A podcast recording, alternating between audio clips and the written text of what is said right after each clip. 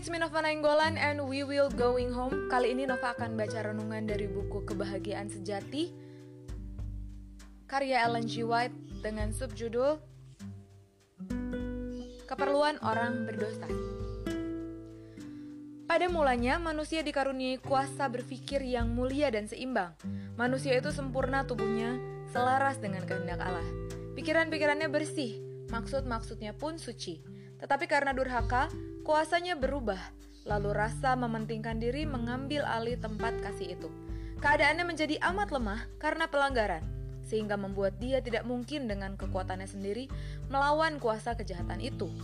Dia telah ditawan oleh setan dan akan tetap dikuasainya kalau Tuhan Allah tidak turut campur tangan secara khusus. Maksud penggoda ialah menghalang-halangi rencana ilahi dalam penciptaan manusia itu lalu memenuhi bumi ini dengan bencana yang memilukan. Dan dia akan menunjukkan bahwa semuanya ini terjadi sebagai akibat dari pekerjaan Allah dalam menciptakan manusia. Dalam keadaan manusia tanpa dosa, dia dapat mengadakan hubungan yang menyenangkan dengan Allah yang di dalam dialah tersembunyi segala harta, hikmat, dan pengetahuan. Kolose 2 ayat 3. Tetapi sejak jatuh ke dalam dosa, manusia tidak lagi dapat menikmati kesenangan hubungan yang kudus itu. Bahkan dia mencoba menyembunyikan dirinya dari hadapan hadirat Allah. Begitulah selalu keadaan hati yang masih belum dibarui. Ia tidak sesuai dengan Allah dan tidak akan mendapat kesenangan dalam hubungan dengan Dia. Orang yang berdosa tidak senang di hadapan Allah. Dia akan takut dan menarik diri dari pergaulan dengan makhluk-makhluk yang suci. Sekiranya dia diperkenankan memasuki surga, hal itu tidak akan menggembirakannya. Kasih yang tidak mementingkan diri yang bertahta di surga setiap hati menyambut hati kasih Allah yang tiada batasnya. Tidak akan mendapat sambutan di dalam jiwanya. Pikiran-pikirannya yang memikat hatinya, motif-motif yang terdapat padanya berlawanan dengan orang-orang tanpa dosa yang tinggal di sana. Dia akan menjadi satu bunyi sumbang dalam irama surga. Baginya surga adalah tempat penuh siksa. Dia lebih suka lenyap dari Tuhan yang menjadi terang dan pusat dari segala kegembiraan. Bukan Tuhan yang sewenang-wenang memerintahkan supaya orang jahat itu enyah dari surga, tapi mereka sendirilah yang telah menutupnya dengan ketidaklayakan menghadapi pergaulan yang ada di sana. Bagi mereka, kemuliaan Allah menjadi bara api yang menyala-nyala. Mereka menyambut kebinasaan supaya mereka dapat berlindung dari wajah Kristus yang telah mati untuk menebus mereka. Mustahil dengan kekuatan sendiri melarikan diri dari lubang dosa yang di dalamnya kita tenggelam. Hati kita jahat. Kita tidak dapat mengubahnya. Siapa dapat mendatangkan yang tahir dari yang najis? seorang pun tidak. Karena keinginan daging adalah maut, tetapi keinginan roh adalah hidup dan damai sejahtera. Ayub 14 ayat 4, Roma 8 ayat 6. Pendidikan, kebudayaan, penguasaan kehendak, usaha manusia, semuanya mempunyai kegunaannya masing-masing. Tetapi di sini semua itu tidak berdaya sama sekali. Semua yang disebutkan di atas mungkin saja menghasilkan tabiat yang amat baik secara lahiriah, namun tidak dapat mengubah hati tidak dapat membersihkan sumber kehidupan batin itu. Harus ada satu kuasa yang bekerja dari dalam, suatu kehidupan baru dari atas, sebelum manusia dapat diubahkan dari dosa kepada kekudusan. Kuasa itu ialah kuasa Kristus. Hanya anugerahnya saja yang dapat menghidupkan segala kuasa jiwa yang tiada berdaya itu, menariknya kepada Allah, kepada kekudusan. Juru selamat berkata, jika seorang tidak dilahirkan kembali, kalau dia tidak menerima satu hati yang baru, kerinduan-kerinduan yang baru, maksud-maksud dan motif yang baru yang menuntun menuju kepada satu kehidupan baru, ia tidak dapat melihat kerajaan Allah. Yohanes 3 ayat 3.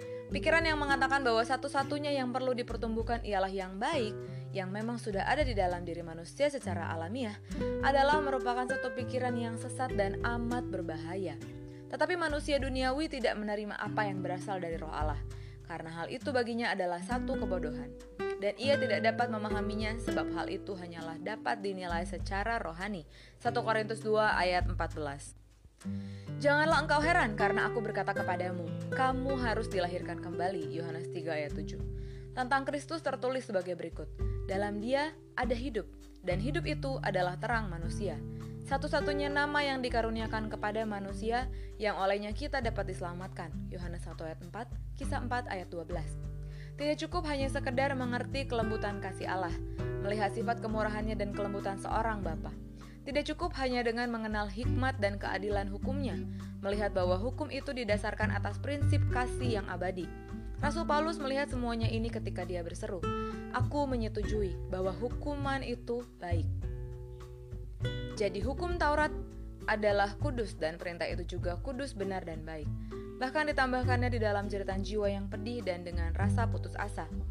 Aku bersifat daging, terjual di bawah kuasa dosa. Roma 7 ayat 16, ayat 12, ayat 14. Dia merindukan kesucian dan kebenaran.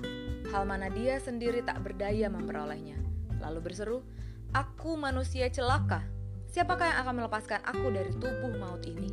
Roma 7 ayat 24. Jeritan demikianlah yang keluar dari bibir orang-orang yang dibebani dosa di segenap penjuru dunia pada sepanjang zaman. Untuk semua ini hanya ada satu jawaban, yakni lihatlah anak domba Allah yang menghapus dosa dunia. Yohanes 1 ayat 29. Dengan banyak perumpamaan, Roh Allah telah berusaha menggambarkan kebenaran ini dan membuatnya demikian jelas kepada jiwa-jiwa yang sudah lama merindukan kebebasan dari himpitan beban dosa. Setelah menipu Esau, Yakub melarikan diri dari rumah ayahnya dan dia dibebani satu perasaan bersalah. Dalam keadaan seorang diri dan terbuang, terpisah dari segala sesuatu yang membuat hidupnya berharga, pikiran yang paling merisaukan jiwanya ialah rasa takut bahwa dosanya telah memisahkan dia dari Allah, bahwa surga telah meninggalkan dia. Dalam keadaan duka cita yang dalam, dia membaringkan tubuhnya beristirahat sebentar di atas tanah. Di sekitarnya hanyalah terhadap bukit-bukit sepi dan di atasnya bintang-bintang menyinari langit. Ketika dia tertidur lelap, seberkas cahaya mengambang dalam hayalnya. Dan lihatlah, dari lembah tempat dia berbaring, ada anak tangga yang menuju ke langit sampai ke pintu gerbang surga. Dan di atasnya para malaikat Allah turun naik, sementara dari kemuliaan yang dari atas, suara Allah kedengaran di dalam satu pesan penghiburan dan pengharapan. Demikianlah dinyatakan kepada Yakub pemenuhan kebutuhan dan kerinduan jiwanya. Kerinduan akan seorang juru selamat. Dengan perasaan gembira dan syukur, dia telah memandang satu jalan di mana sebagai seorang berdosa, dia dapat dipulihkan hubungannya dengan Allah.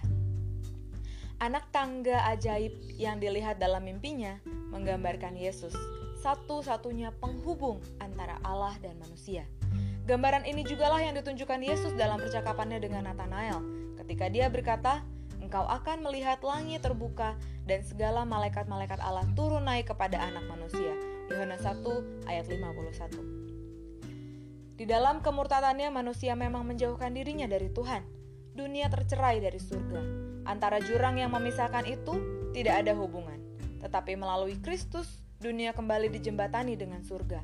Dengan jasanya sendiri, Kristus telah menjembatani jurang yang dibuat oleh dosa, sehingga malaikat-malaikat yang melayani dapat berhubungan dengan manusia. Kristus menghubungkan manusia yang sudah jatuh ke dalam dosa dan dalam kelemahan, serta keadaan tanpa daya itu dengan sumber kuasa yang tiada batasnya. Tetapi sia-sialah impian-impian manusia akan kemajuan. Segala usaha meninggikan manusia jika mereka melupakan satu-satunya sumber pengharapan dan pertolongan bagi umat manusia yang telah jatuh ke dalam dosa. Setiap pemberian yang baik dan setiap anugerah yang sempurna datangnya dari atas, diturunkan dari Bapa. Yakobus 1 ayat 17. Berasal dari Allah Bapa. Tiada kemuliaan tabiat yang sempurna kalau tidak dari Dia, dan satu-satunya jalan kepada Allah ialah Kristus. Katanya, "Akulah jalan dan kebenaran dan hidup. Tidak ada seorang pun yang datang kepada Bapa kalau tidak melalui Aku." Yohanes 14 ayat 6. Hati Allah rindu terhadap anak-anaknya di dunia dengan satu kasih yang lebih kuat daripada kematian. Di dalam memasrahkan anaknya itu, dia telah memasrahkan kepada kita segenap surga di dalam satu pemberian kehidupan juru selamat dan kematian serta pengantaraannya, pelayanan malaikat-malaikat, roh yang memohonkan, Allah Bapa bekerja di atas dengan segala perkara, perhatian yang tiada putus-putusnya dari makhluk-makhluk surga. Semuanya dikerahkan demi penebusan umat manusia. Oh, marilah kita renungkan pengorbanan ajaib yang telah diadakan untuk kita. Marilah kita coba menghargai pekerjaan dan kuasa surga yang telah dikerahkan untuk merebut yang hilang serta membawa mereka kembali ke rumah Bapa. Motif-motif yang lebih kuat dan alat-alat yang lebih tangguh tidak akan pernah bermanfaat. Upaya yang besar untuk perbuatan yang baik kenikmatan surga, pergaulan dengan para malaikat, hubungan dan kasih Allah dan anak-anaknya, peningkatan dan perluasan segala kuasa kita sampai selama-lamanya, bukankah ini pendorong yang maha kuat dan memberi keberanian untuk kita menyerahkan pelayanan kasih kepada Halik dan penebus kita? Dan sebaliknya, hukuman yang dinyatakan Allah atas dosa, pembalasan yang tidak terelakkan, kemerosotan tabiat kita, dan kebinasaan yang terakhir sudah ditegaskan dalam firman Tuhan untuk mengamarkan kita terhadap pekerjaan setan. Tidakkah kita menghargai anugerah Allah itu? Apalagi yang dapat dilakukannya? Marilah kita menempatkan diri kita di dalam hubungan yang baik dengan Dia yang telah mengasihi kita dengan kasih yang ajaib. Marilah kita menggunakan kesempatan yang telah diberikannya kepada kita supaya kita dapat diubahkan menjadi serupa dengan Dia dan dipulihkan kembali ke dalam persahabatan dengan malaikat-malaikat yang melayani, ke dalam hubungan yang harmonis dengan Allah Bapa dan Anak